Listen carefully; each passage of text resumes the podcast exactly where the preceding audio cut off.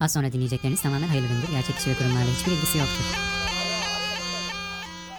Az önce sepetinin içinde uyuyordu.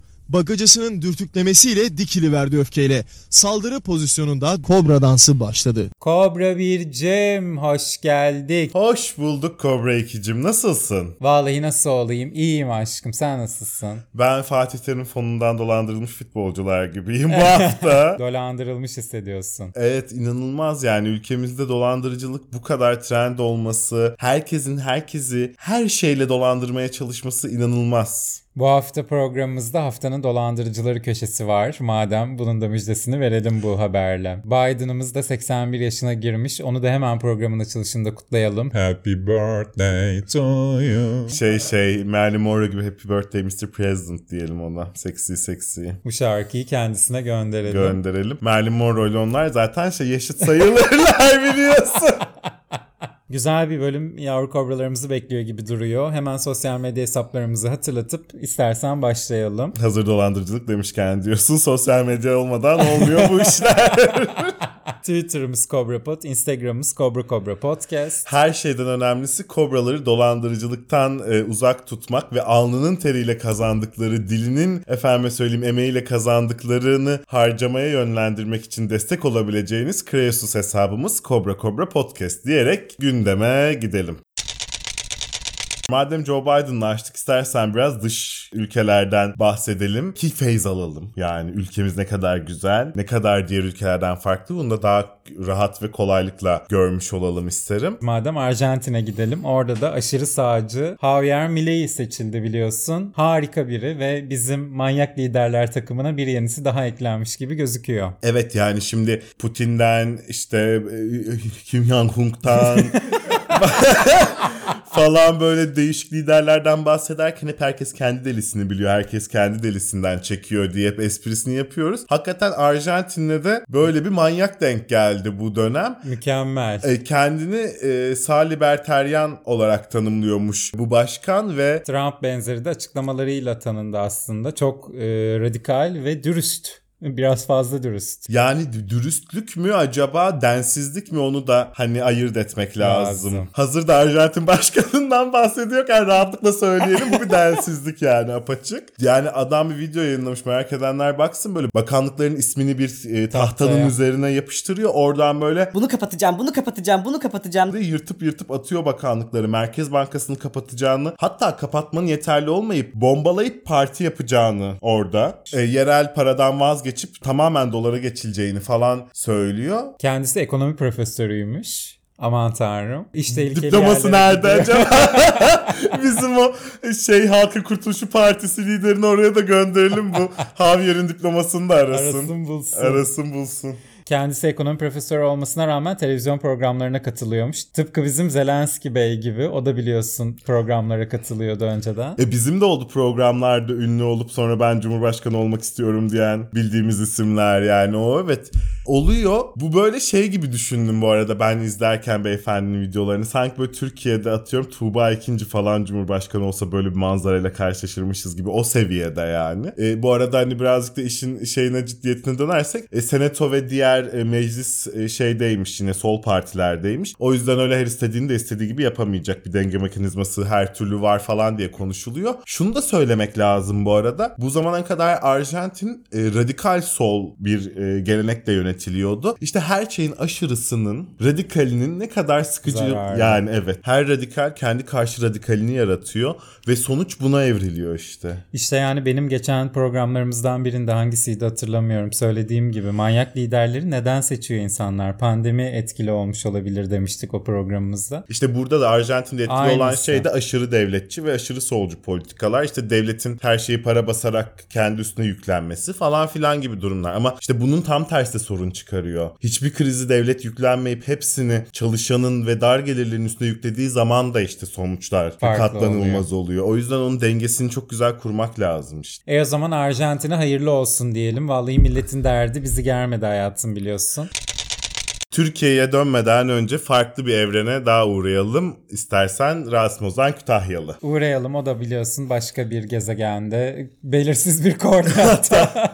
kimsenin bilmediği bir ağacında, kimsenin bilmediği bir derenin kıyısında farklı bir kafada ama e, bu hafta biz bölümümüz çıktığı gün onun da programı çıkmış Flu TV'ye konuk olmuş. İtiraflar mı desek, akıl almaz iddialar mı desek, malumun ilanı mı desek bilmiyoruz. Böyle bazı İnanılmaz. açıklamalarda bulunmuş. İpe sapa gelmez açıklamalar diyebiliriz herhalde değil İpe mi? sapa gelmez diyemeyiz çünkü söylediklerinin hepsi doğru. 2008-2011 yılları arasında askeri vesayeti çökerttik, generalleri çökerttik, medyaya operasyon çektik, Ergenekon dedik, ulusalcıları, devlet için her şey mübahtır diyenleri, devletin düzenini savunanları ayıkladık.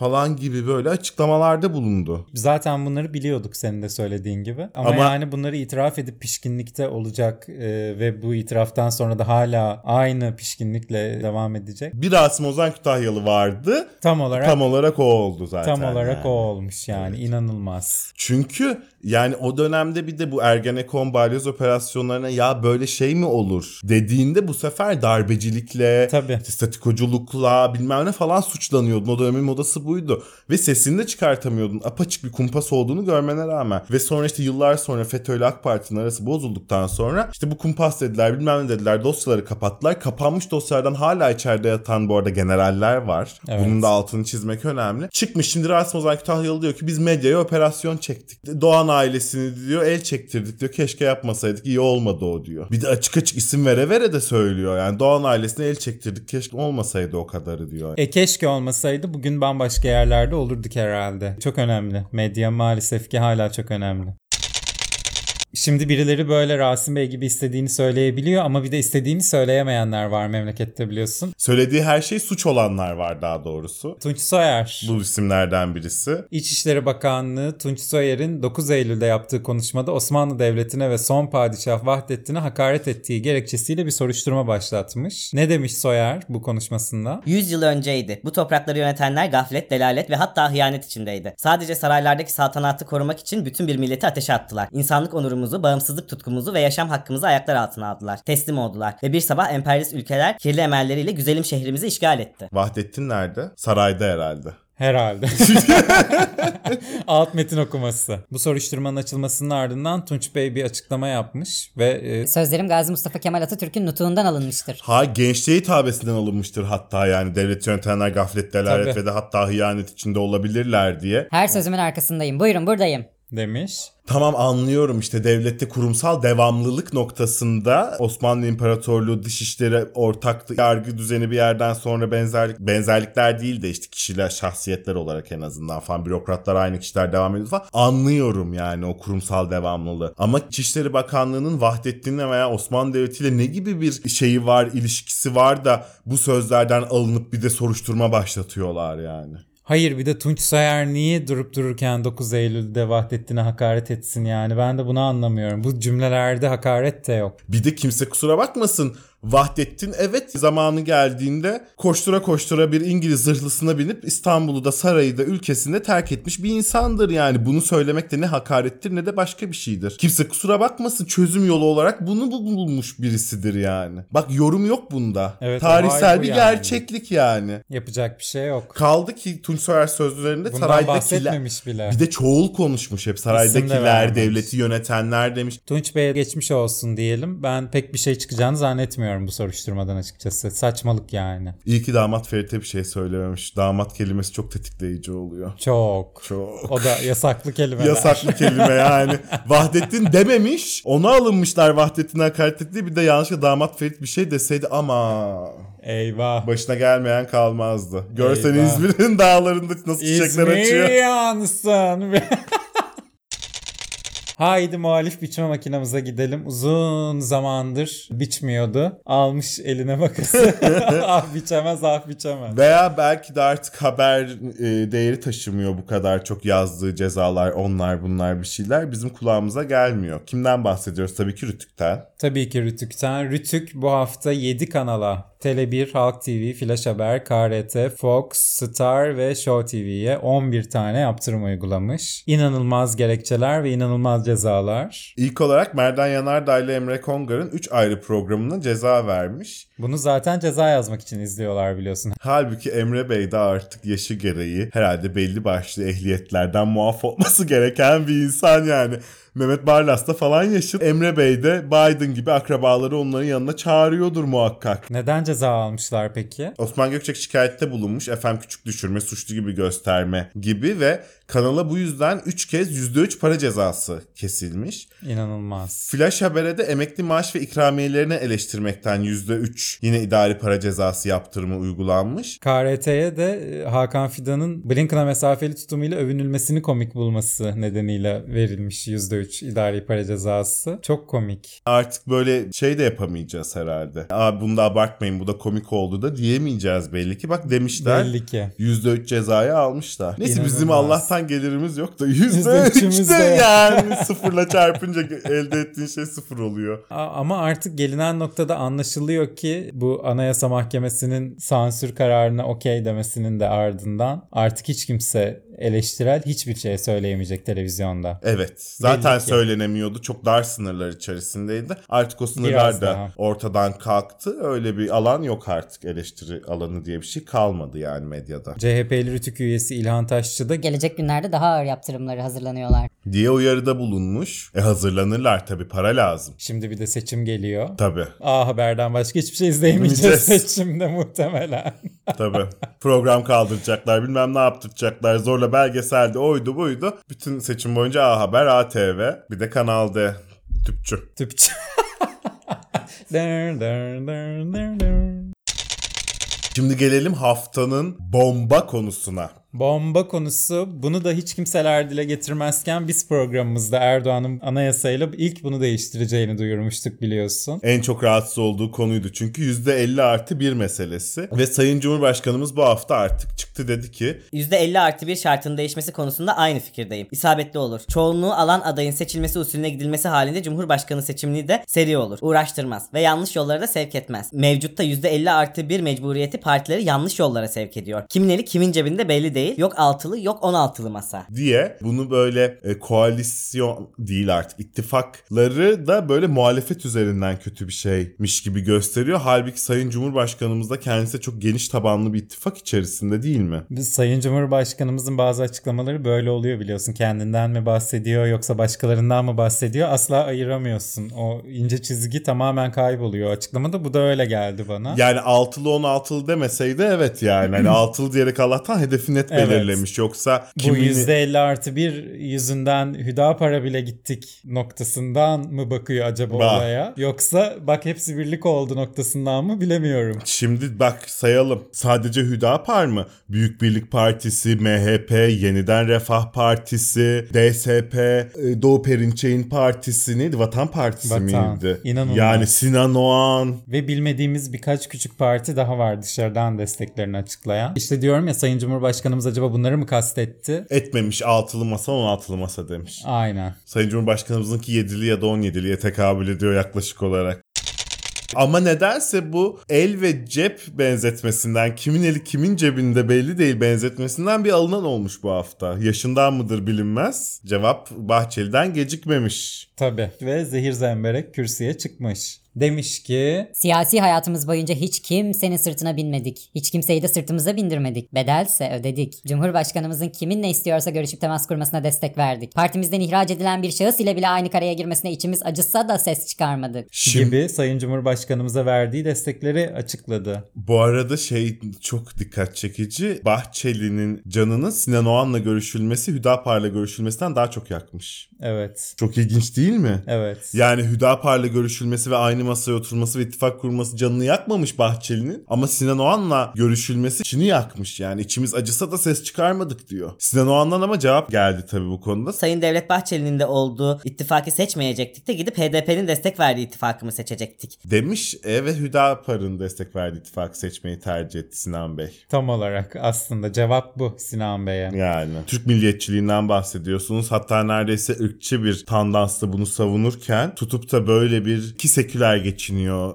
Sinan Bey çoğunlukla. İslamcı bir Kürt partiyle bir araya nasıl gelirsiniz diye sormak tabii ki herkesin hakkı yani. HDP'ye destek verdiği ittifaka değil de Hüdapar'ın destek verdiği ittifakı mı uygun gördünüz Sinan Bey diye sorarlar. Cevapsız sorular. Cevapsız Kaldı sorular. geriye. Sen de bugün Ahmet Hakan gibi göndermediğin şarkı kalmadı yani.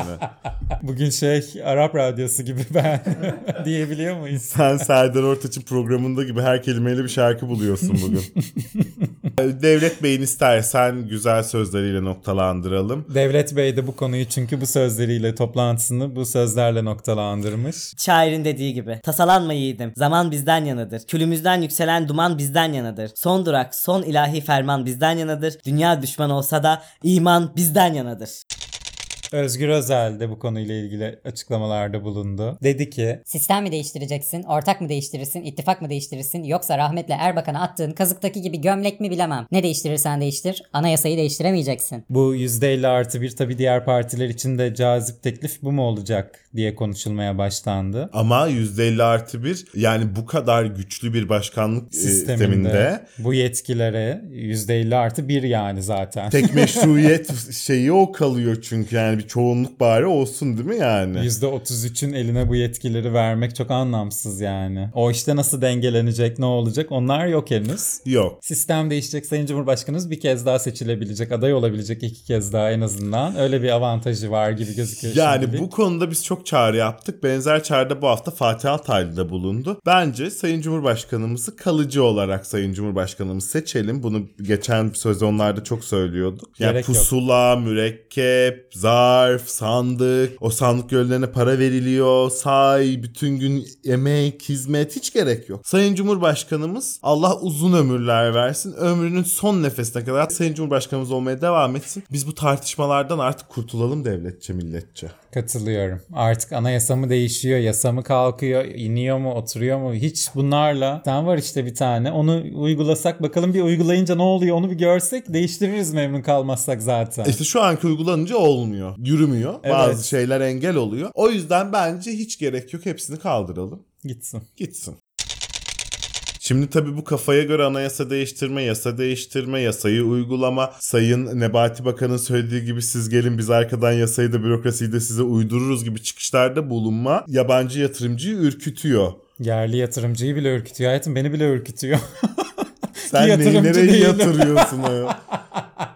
Yatırımcı değilim beni bile ürkütüyor ki O yabancıyı böyle- ne yapsın? O böyle bu sefer sağa yatırdım öbür gün kalktım sola yatırdım değil o yatırım Değil, dedikleri evet, yani. Muhtemelen. Parayla ilgili bir şey. Fatih Altaylı demiş ki Volkswagen Türkiye'de üretim yapmak için dev bir fabrika kuracaktı. Sonra aniden hiç nedensiz bir şekilde bu yatırımdan vazgeçti. Ford da 1 milyar dolarlık yatırımını geri çektiğini ve Türkiye'de 112 yıldır faaliyette bulunan British Petrol ve Petrol Ofisi'nin de yok fiyata satılıp ülkeden çekildiğini haberleştirdi bu hafta boyunca. Bir bir gidiyorlar yani. Bir de British Petrol yani 3. dünya ülkelerine bile yatırım yapıp orada bile hizmet veren bir şirketken Korkunç. E madem memlekette durumlar böyle anketler başlamış tabii ki yerel seçimde kime ne oy vereceksiniz diye yaşadık. gözün aydın. Aynen gözün öyle. aydın anket ve araştırma en sevdiğin şey. Seçim anketi olmadan yaşayamıyorum biliyorsun. PR araştırma son yaptığı anketlerde AK Parti'nin oyunu %32, CHP 27.2, MHP 15.3, HDP 8.1, İyi Parti'yi de %5. Beşlere kadar düşmüş Meral Hanım'ın partisi. Neredeyse %10 almıştı geçen seçim. %10'u da stratejik oy yok bir vekil daha çıkarsın oradaki artık oyu ona verelim bilmem falan hesaplarıyla aldı. O stratejik oyun İyi Parti projesi olduğu ortaya çıkmıştı biliyorsun. Çıkmasına gerek yok. Şırnak'ta bile İyi Parti'ye oy vermeni tavsiye ediyordu. AK Parti'ye şey çıksın istemiyorsan. 15. dakikası daha benim önüme düştü o. Şey açıldığında ve tek tek denedim birkaç yeri merak ettim. Hepsi İyi Parti'ye verdi. Hepsi. Evet. Hepsi yani. Yoksa işte manipülasyonsuz, kampanyasız ve ittifaksız %5 işte İyi Parti'nin oyu bu kadar. Meral Akşener de çok enteresan bir grup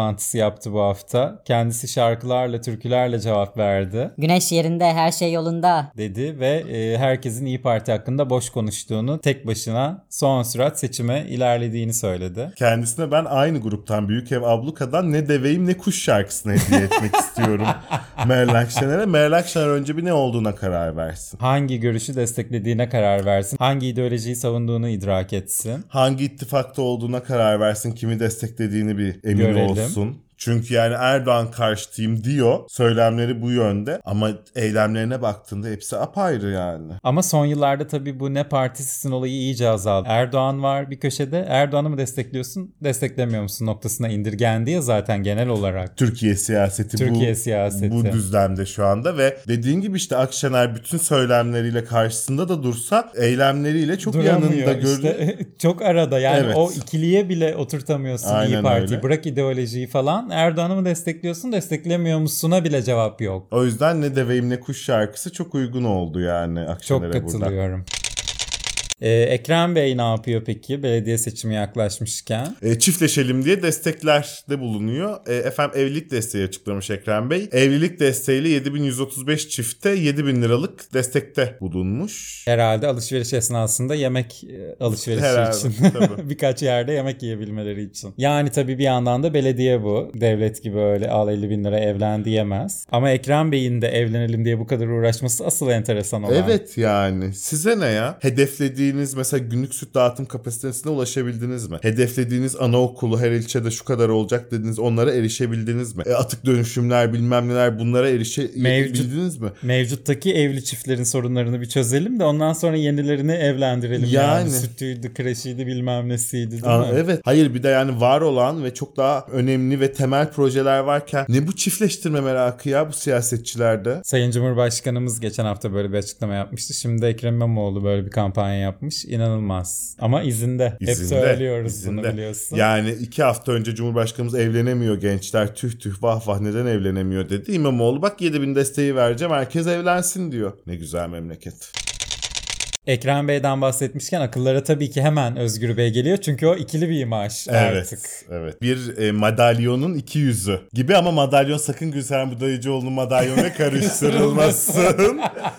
bu başka bir madalyon. Bu CHP altı oklu madalyon mu? Sanki altı okun üç oku Özgür Bey üç oku Ekrem Bey gibi değil mi? Evet. Özellikle de laiklik oku Özgür Bey'de temsiliyet buluyormuş da Ekrem Bey'e çok uzakmış gibi bir de. Sanki. Neyse. Disk bu hafta bir yürüyüş başlatmış. Gelirde adalet, vergide adalet talebiyle İstanbul'dan Ankara'ya yürümüşler. Özgür Bey de Kemal Bey'in yürüdüğü yolu geri yürümek üzere bu yürüyüşe katılmış. Demiş ki Kemal Bey Ankara'dan İstanbul'a yürüdü. Ben de birlikte İstanbul'dan Ankara'ya yürüyeyim. Aynen öyle ve Bundan sonra da sokaktaysa sokakta, grevdeyse grevde yanınızdayız, arkanızdayız. dedi Ve Disk'e sonuna kadar destek açıklamasında bulundu. Özgür Bey bu aralar görmek böyle. istediğimiz hareketler açıkçası. e, şey benzetmesi yapılır ya gemi benzetmesi. Hakikaten Cumhuriyet Halk Partisi büyük ve hantal bir gemidir ve öyle dümeni kırmak kolay olmaz alabora olur. Ama Özgür Bey dümeni kırabileceği kadar hızlı bir şekilde sola kırıyor. Bunu yaparken bazı ana akım medyanın manipülasyonuna açık kalabilecek açıklar da veriyor. Hata yapıyor demek doğru olmaz bence. Bazı açıklar da veriyor. Ama yine de buna rağmen hiç kimseyi umursamaksızın gerçekten dümeni sola kırdı ve gümbür gümbür geliyor. İlk e, hareketi de bu diske verdiği ve işçilerle birlikte olduğunu gösteren destekten anlıyoruz. Anayasa Mahkemesi'ne açılan davaya karşı bir oturma eyleminde mecliste de. Aynı zamanda çok da sert konuşuyor. Sayın Cumhurbaşkanımızdan daha da sert açıklamaları var. Enteresan geliyor Özgür Özel gibi gözüküyor. Hatta Filistin meselesini bile soldan okumayı tercih etti Özgür Bey. Kaldı ki zaten öyleydi biliyorsun. Filistin Halkın Kurtuluş Ordusu'nun mücadelesiydi ilk başta Filistin mücadelesi ilk başladığında. Hamas yeni yeni peydahlanmış bir örgüt. Ve bu hafta e, Özgür Bey Filistin'e gideceğini duyurdu. İnsani yardım götüreceklermiş. Umarız olur. Ne diyelim.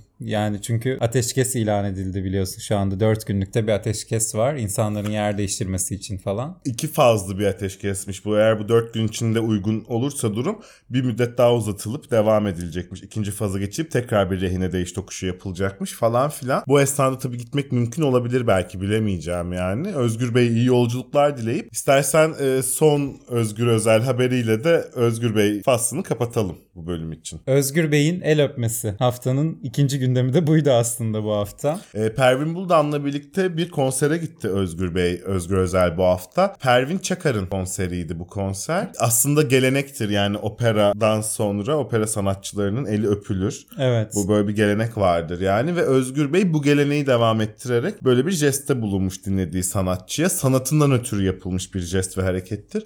Ama, tabii, ki. yani. Ama tabii ki pek çok kişi AK Parti'ye yerel seçim afişinin hediye edildiğini söylediler bu fotoğrafla birlikte. Ben kendi adıma abartmıyor musunuz diye düşündüm ama Ahmet Bey e, şarjörünü doldurmuş tak tak tak ilk kurşunu, Kurşunu. da Ahmet Bey atmış yani. Bir de Ahmet Bey iyi nişancıdır attı mı vurur yani. Ve hemen tabii ki e, bu durum senin de dediğin gibi manipüle edilmeye başlanmış takım basın kuruluşları tarafından diyelim artık. Özellikle de Pervin'in atfedilen bazı açıklamaları da ele alınarak bu böyle bir aynı çizgi ve aynı çerçeveye oturtulmaya çalışılmış Özgür Özel'de. Ki bunu da ilk başta yapan Ahmet Hakan olmuş. Ahmet Hakan demiş ki Özel ve Bulda'nın konserini izledikleri Kürt opera sanatçısı Pervin Çakar için iki şey söyleyeceğim. 1. Opera alanında önemli başarıları olduğu söyleniyor. İtalya'da bir önemi varmış. İşin aslını opera uzmanlarına bırakıyorum. Hiçbir şey söylememiş. bir demiş ve bir şey söylememiş yani. İnanılmaz. 2. Yani bir. Çünkü öncesinde bir şey söylemiyor. Siyasi görüşlerini açıklamaktan kaçınmıyormuş Kürt sanatçı. Kürtlerin statü kazanması gerektiğini, hatta bir devleti olması gerektiğini dile getiriyormuş. Bütün bunlar birleşince gündemdeki opera buluşması sadece opera buluşmasından ibaret olarak değerlendirilemez. Yine pek bir şey söylememiş. Ne olarak değerlendirilir peki Ahmet Bey? Bize bir de onun da yolunu gösterseydiniz ya. İşte onun için de yeni akite geçiyorsun. Orada apaçık yazıyor artık. Özgür Özel'den teröre destek falan, Falan. noktasına. Daha radikal gazetelerde de o noktalarda veriliyor bu haber. İnanılmaz. İşte Rasim Ozan Bey'in de dediği gibi. Aslında gün sonunda. Hadi Ahmet Hakan köşesine gidelim o zaman. Hazır kendisinden de bahsetmişken. Sanat, Aktüelite, moda, siyaset, magazin, televizyon değinmeler. ve gerçeküstü düşler. Ahmet Hakan köşesi. Ahmet Hakan köşesi. Ahmet Bey 3 gün ayrı ayrı Kedim Sekter'in gariplikleri. başlıklı yazılar yazmış bu hafta. Normal ama bu mevsimler kedilerin garip davrandıkları mevsimler genelde. Senin de 3 tane kedin var biliyorsun. Hiçbirinin adı Sekter değil. Ve hiçbirinden de tutup da burada bir kere bile bahsetmedim. Yani Evet. Ahmet Bey 3 gün arka arkaya Hürriyet gazetesinde yazmış sekteri. Ya. Sekter demiş millete resmen yani. Pıt pıt şekerden bile daha ünlü bir kedi görüyorsun. Öyle. Rahmetli Barlas'ın sektere özel koskoca özel Tam sayfa. tam sayfa yazısı var yani. Meraklı yavru kobralarımız bakabilirler. İnanılmaz bir yazı o da. İnanılmaz bir yazı. Mehmet Bey adeta sekterin vücudunda hayat buluyor ve sekterin gözünden Ahmet Hakan'ı anlatıyor. Böyle bir yazı yani. Mükemmel psikodelik bir ortam. Evet. George Orwell kitabı. Kubrick okusa filmini çekmek isterdi rahmetli yani. Öyle bir gerçek dışıcılık. evet. Kubrick'i de 5 aileden biri öldürdü biliyorsun dünya yöneten diye. Tabii hazır Ahmet Hakan köşesindeyken diyorsun. evet. İllüminat demezsek olmazdı. Ahmet Bey demiş ki Tam bir İstanbul beyefendisidir Sekter. Papyon kravat takmadan Beyoğlu'na çıkmaz. Ayrıca tam bir temkin kumkumasıdır. Önüne çok sevdiği bir yiyecek konulduğunda bile yemeden önce en az 40 kere düşünür. Sektör olunca kravat ve papyon İstanbul beyefendiliği oluyor da başkası takınca efendime söyleyeyim seküler düzenin yuları mı oluyor diye bir eleştiri getirmek isterim Ahmet Hakan'a. Kusura bakmasın kendisi kravat ve papyon konusunda en mesafeli isimlerden bir birisidir tanesi. yani. Sektere yakışıyorsa demek. Sektere papyon pek yakışıyor. Bak pimpirikliymiş bir de yemeden önce de 40 kere düşüyor. Kediler genel olarak öyle, Öyle. ama yani bunda bir, bunda bir anormal bir şey yok. Kedi dedin yediği işi koklar falan 50 kere. İkinci gün ne demiş? Suyu içmek yerine temiz bir yüzeyden yalamayı tercih ediyor. Suyu yukarıdan temiz bir yüzeye döküyorsun, o da yalıyor. Hayatın en büyük, en heyecan verici, en enerji aşılayan macerası bu. Demiş bu da kedilerin genel bir özelliğidir. Kendisine isterse link atabilirim. Benim evde şimdi yeni aldım bir tane şelale var. Her yerde var bu arada. Köşedeki pet shop'ında da vardır Ahmet Bey'in eminim yani. Onun yaşadığı evrende bile vardır. Vardır. O kadar her yerde var. Gitsin alsın şır şır şır şır şır yüzeyden akıta akıta içtirsin sektere suyunu yani. Aa, çok da mutlu olur Sekter. Evet hayvana her seferinde tutup eliyle yüzeye su mu dökeceksin yani? Ahmet Bey'e linkini atacağız. Evet. Ben hediye edeceğim sektere. sektere kobralardan bir e, kedi şelalesi hediye. Üçüncü gün ne yazmış hayatım? En son yazısı artık sektörle ilgili. Başka kedilerin kendilerinden geçmesine, heyecandan dalgalanmasına, enerji patlamasına yol açacak oyuncaklar karşısında istifini bile bozmaz Sekter. Oyuncak fare sallarsın önüne, kıpırdamaz bile. Uzun ip sallarsın karşısında, umrunda bile olmaz. Minik bir top atarsın kendisine, şöyle bir bakmaz bile. İki ihtimal var. Ya fazlasıyla cool bir kedi ya da fazlasıyla miskin bir kedi. Umarım birincisidir. Bir ihtimal daha var. Belki de e, kedi sahibine çeker derler. Ahmet Bey gibi üzerine vazife olmayan işleri daha çok seviyordur oyuncak fare veya uzun iple oynamaktansa. Ahmet Bey'in bu yazılarından da bu kadar bahsetmemizin sebebini yeri gelmişken istersen bir kez daha hatırlatalım. Çünkü bazı yavru kobralarımızdan Ahmet Hakan köşesiyle ilgili de mesajlar aldık bu hafta. Daha önce söylediğimiz gibi aslında ülkenin en büyük gazetelerinden birinde genel yayın yönetmeninin yazdığı tam sayfa köşede Kedisi yazılan, anlatılıyor yani. Yapılan haber bu. Benim Zuko da sevmiyor topla şeyle fareyle oyuncakla oynamayı. Ben anlatıyor muyum burada yani? Bir tane çıngıraklı bir oyuncağı var böyle tüylü. Bir tek onu seviyor. Başka bir şey tepki vermiyor yani. Biraz da lezzet demeyelim mi demiş Ahmet Bey. Geçen hafta da CNN Travel yazarı Lisa Morrow'un yazısını eleştirmişti biliyorsun. Ey Lisa Morrow diye. Sen kısır mı övüyorsun bilmem ne mi diye. Peynir tatlısı tavsiye etmişti kendisine. Bu hafta da hiç ısınamadığı lezzetlerden bahsetmiş bize. Aklına neyse. geldi herhalde Lisa Hanım'ın yazısı. Çağrışım yaptı. Ee, Ahmet Bey de yazacak şey arıyor anlaşılan harıl harıl ki yani bu yazılara başka hiçbir şey anlatmıyor. Açıklaması olamaz. Hiç ısınamadığı tatları yazmış. Arabaşı. Çorba eşliğinde hamur yutmak prensibine dayalı bir olgu.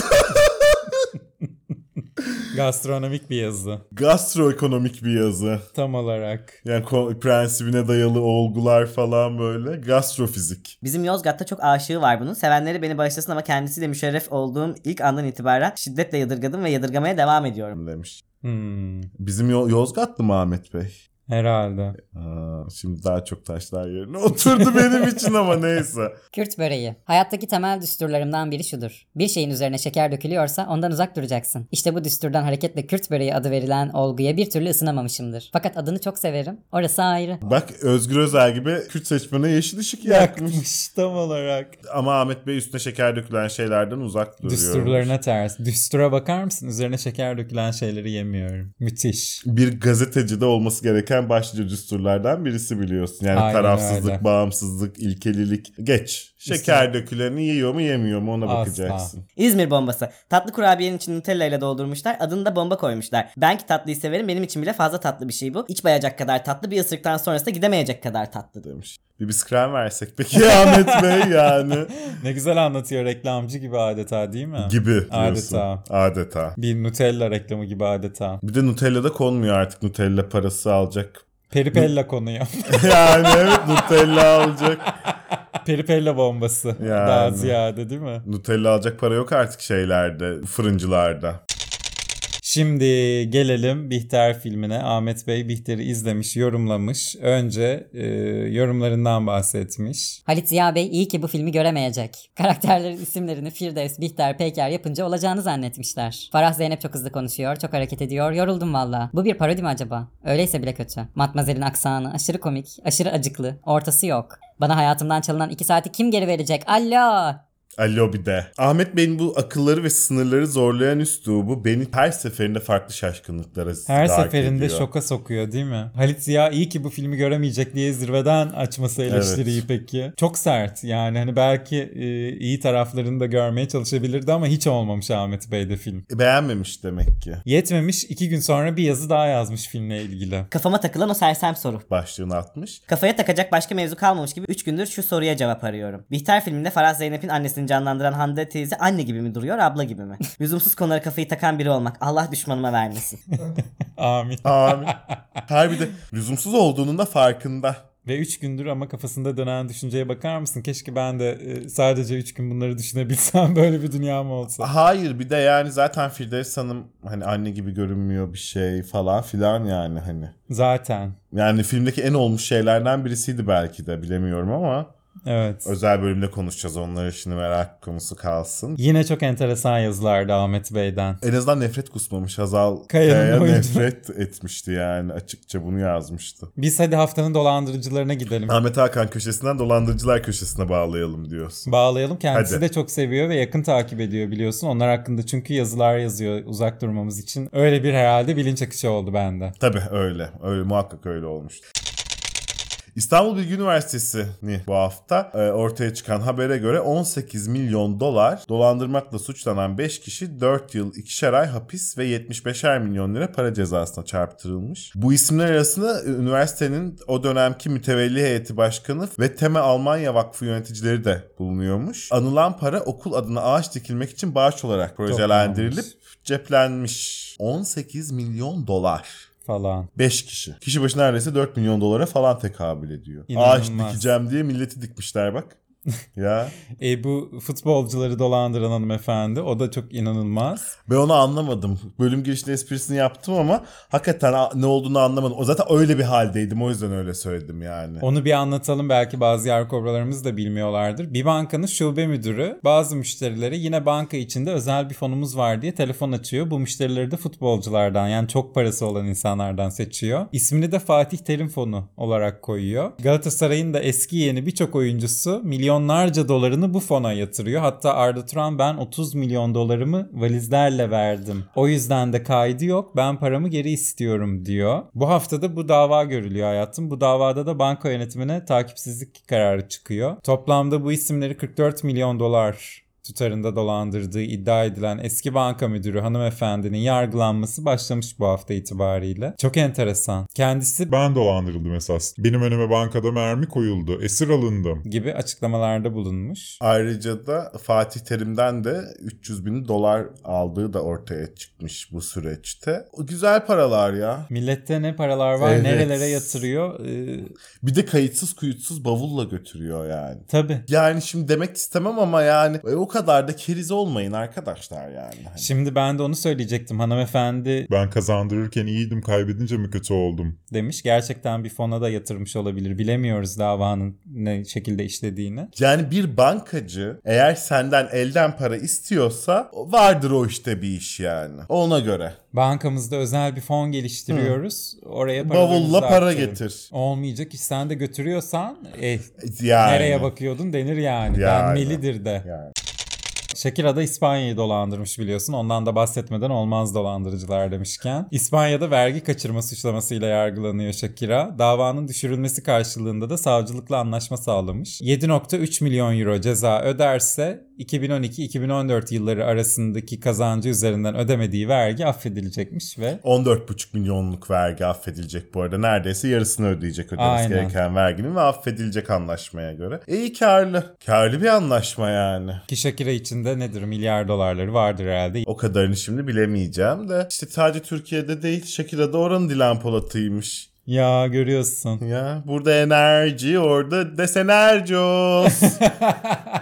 yani. Bu arada sanki bana şey gibi geliyor. Bunlar böyle evet ayyuka çıktı ve çok sayısı da arttı falan bu eyvallah. Ama bir yandan da sanki bu kadar da artık hani sosyal medyası osu busu çok daha gördüğümüz farkında olduğumuz için de sanki Tabii. daha anlaşılır gibi sanki. Çünkü vakti zamanında da böyle geri dönüp baktığımızda şeyleri görmemek pek mümkün değil. Yani o dönemin tırnak içinde eğlence ve hizmet ve güzellik sektöründeki kişilerin, kişilerle işte o dönemin emniyet güçleri arasındaki falan böyle ve o kişilerin patronları. falan ve oranın çalışanlarının akıl almaz servetleri falan bugüne bile gelen gibi. Böyle baktığımızda şey gibi sanki hani Dilan Polat yakalananı Şekil değiştirmiş gibi yani. O Evet. gün gazinolardaymış. Bugün sosyal Güzellik medyadaymış. merkezlerinde. Güzellik merkezlerinde. Yarın da başka bir yerde olacak yani. Al işte İspanya'da da Shakira'daymış yani. Bak vergi kaçırıyor Shakira bile. Yapma kızım diyelim uyaralım kendisini buradan. Sakın diyelim. Aman tanrım. Ki e, bu hafta Dilan Polat'ın avukatı Nevşin Mengü'ye katıldı biliyorsun. Hepimizin vergiyle ilgili sorunu yok mu ya? Hepimizin vergisiyle ilgili problemi vardır ya. Devlet hepimizin cebindeki parayı hemen elini sokuyor alıyor ya. Diye böyle şikayetçi oldu vergi sisteminden. Ne olmuş burada bahsedilen para 200 milyon lira ya. 200 milyon lirayla ne olur ki ya? Bunlar çalışsınlar.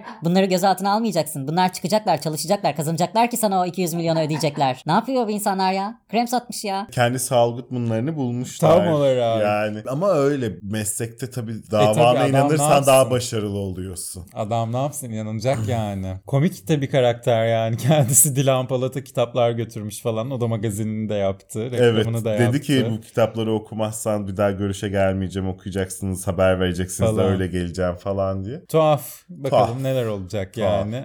İlginç bir avukat müvekkil ilişkisi. Çok çok. Bu arada Masak TikTok kullanıcıları için de inceleme başlattığını duyurmuş. Orada da kara para aklandığına dair iddialar vardı. Oradan zaten vergi kaçırılıyor. Yani oradan Tabii. elde edilen geliri ne diye nasıl vergilendireceksin zaten? Yani. Yani gelir diye beyan edip anca öyle vergilendiriyorsundur. Başka nasıl yapacaksın onu? Atatürk'e benzeyen beyefendi 29 Ekim günü neredeyse 2 milyona yakın para toplamış TikTok'tan 2 saat içerisinde. Hedef göstermek gibi değil ama e, gündemdeydi ve herkesin konuştuğu bir haber olduğu için. Ben ben de hedef göstermiş gibi olmak istemem ama bazı böyle yine sosyal medya içerik üreticilerinin röportajlarını izledim geçen gün. Eski röportajlarını bu arada bu hani Dilan Polat bir dönüm noktası ya bu para mevzularını konuşmakta. O Dilan Polat operasyonu öncesi röportajlardı. Kazandıkları miktarları söylüyorlar. Hani gecede şu kadar kazandığım oldu, günde bu kadar kazandığım oldu falan. Onu izlerken öyle bir başka bir farkındalıkla izledim o röportajları. Dedim ki yani tamam kazandın da vergisi peki bunun. Benim her adımımdan vergi alıyorsun. Maaşı çalışan her adımından alıyorsun. Esnafın sattığı her şeyden alıyorsun diye soru işaretleri bunlar diyelim ve bütün soru işaretlerinin cevabını bulabileceğimiz köşeye artık geçelim istersen. Sayın Cumhurbaşkanımızın köşesine gidelim. Ve şimdi Cumhurbaşkanı köşesine gidelim. Oley! Cumhurbaşkanlığı köşesi. Evet! Erdoğan bu hafta yurt dışındaydı. Çok gezdi Sayın Cumhurbaşkanımız. Almanya'daydı bu hafta. Evet. Güzel bir ayar verdi oradakilere. Dedi ki Hamas dedi terörist değildir dedi. İsrail dedi teröristtir dedi. One minute demedi belki ama Good evening, good, Good night. dedi ve ortamı terk etti yani. Sert konuştu. Gazetecilerin de sert soruları vardı her zamanki gibi. Erdoğan ne zaman yurt dışına çıksa bir tane Sivri bir Avrupa vatandaşı çıkıyor oradan yani. aynen Erdoğan'ı sinirlendirmeyi başarıyorlar bir şekilde. Bilmiyorum artık orada koordinasyonu kim yapıyordu ama çok dengeli ve doğru davranmış. Mesela bir tane Almanca soru geliyorsa en az üç tane Türkçe soru geliyordu. Ve Sayın Cumhurbaşkanımız sizin yüce şahsiyetiniz ve büyük başarılarınız falan diye başlayan. O da böyle çok güzel bir denge mekanizması kurmuşlar orada. Yani iki tane bilemediğin en fazla üç tane Almanca soru alıyorlardı zaten. Çok iyi. Çok iyiydi yani. Dönüş yolunda da Almanya'daki çocukları da tabii ki Sayın Cumhurbaşkanımız göz ardı etmedi. 200'er lira dağıttı Evet. Alman çocuklarına. 6 euro. 6.36 euro o günün kuruyla dağıttığı günkü kurla. Bozdur bozdur harca. Bozdurmasınlar bence. Yani o bozdurmadaki kayıp da böyle düşünüldüğünde beklesinler. Belki ne bileyim çocuklar bir de yani 40-50 yaşına geldiklerinde böyle dolar euro paritesi daha böyle normal bir seviyeye gelir. Belki mesela 150 euro alırlar 200 lirayı bozdurup. Koysunlar bir kenara yatırım gibi düşünsünler. Aman Allah'ım. Yani. Parlak yıllar. Parlak yıllar. O yüzden bir yatırım aracı gibi düşünsünler bunu. Hatıra diye saklarsın zaten. Bir de Sayın Cumhurbaşkanımızın dağıttığı yani Yani. Müzelik. müzelik. Alman müzelerinde hemen derhal sergilensin yani. Sayın Cumhurbaşkanımız enteresan bir açıklama yaptı bu hafta. Ülkemizde epeyce okumuş cahilin bulunduğu bir gerçektir. Dedi. E, Öyle her önüne gelen ile, her önüne gelen ilçeye üniversite açıp her cebinde parası olana üniversite açtırtırsan öyle epeyce okumuş cahil olur. Türkiye'de şu anda 208 tane üniversite varmış. Sen düşünebiliyor musun bunu? Sayın Cumhurbaşkanımız ne demişti? Avrupa'da en çok üniversite olan ülke olacağız demişti. Ona doğru adım adım gidiyoruz. Ama tabii öyle olunca da epeyce okumuş cahilin olduğu bir gerçek oluyor işte. Cahilin de okumuş hiç çekilmiyor. Okumamışı daha iyi. Seçime çok az kaldı biliyorsun ve Sayın Cumhurbaşkanımız da hazırlıklarına harıl harıl başladı. Muhabirler de İstanbul, Ankara, İzmir illerinin adaylarını yakında duyar mıyız diye sordular kendisine. Arkadaşlar vakti saati gelince duyarsınız. En uygun olan adayı göreceksiniz. Demiş. Dedi. Merak konusu. Dediğim gibi Sayın Cumhurbaşkanımızdan kendisinin aday olmasını bekliyorum İstanbul Büyükşehir Belediye Başkanlığı'na da birkaç bölüm önce söylemiştim. Evet. Ya bence hiç de bir sakıncası yok. Hem Sayın Cumhurbaşkanımız hem AK Parti Genel Başkanı hem de İstanbul Büyükşehir Belediye Başkanı olabilir kendisi yani. Bence de olabilir. E, hepsini de yapabilecek kabiliyette olduğu için tabii ki. Tabii ki öyle. Bu arada zaten hani AK Parti'den seçilecek herhangi bir isim seçildiğinde de Sayın Cumhurbaşkanımız yapacak yani. İstanbul Kampanyasını, Büyükşehir Belediye tabii. Başkan sadece kampanyası değil Büyükşehir Belediye Başkanlığı'nı Başkanlığını da. Sayın Cumhurbaşkanımız yapacak. O yüzden yani hiç böyle bir aday maday göstermeye gerek yok. Cumhurbaşkanımız çıksın aday olarak yani. Hem onda dönem dönem sıkıntısı da yok. İstanbul Büyükşehir Belediyesi istediği kadar belediye başkanı olabilirsin yani üst üste. Ama tabii yani küçük bir görev o Sayın Cumhurbaşkanımız için çok küçük bir görev. Ama aşkı, hobisi gibi düşün. Tabii. Yani Adnan Bey'in holdingler yönetirken bir yandan da ağaç kalkması gibi düşün. Evet. Sayın Cumhurbaşkanımız da bir yandan bütün ülkeyi, Orta Doğu'yu, Balkanları, dünya lideri, dünyayı yönetiyor. Öbür yandan da en büyük aşk İstanbul yönetimini de istiyor ve yapar. Yapar. Yapar. Yapar. Diyelim ve toparlayalım.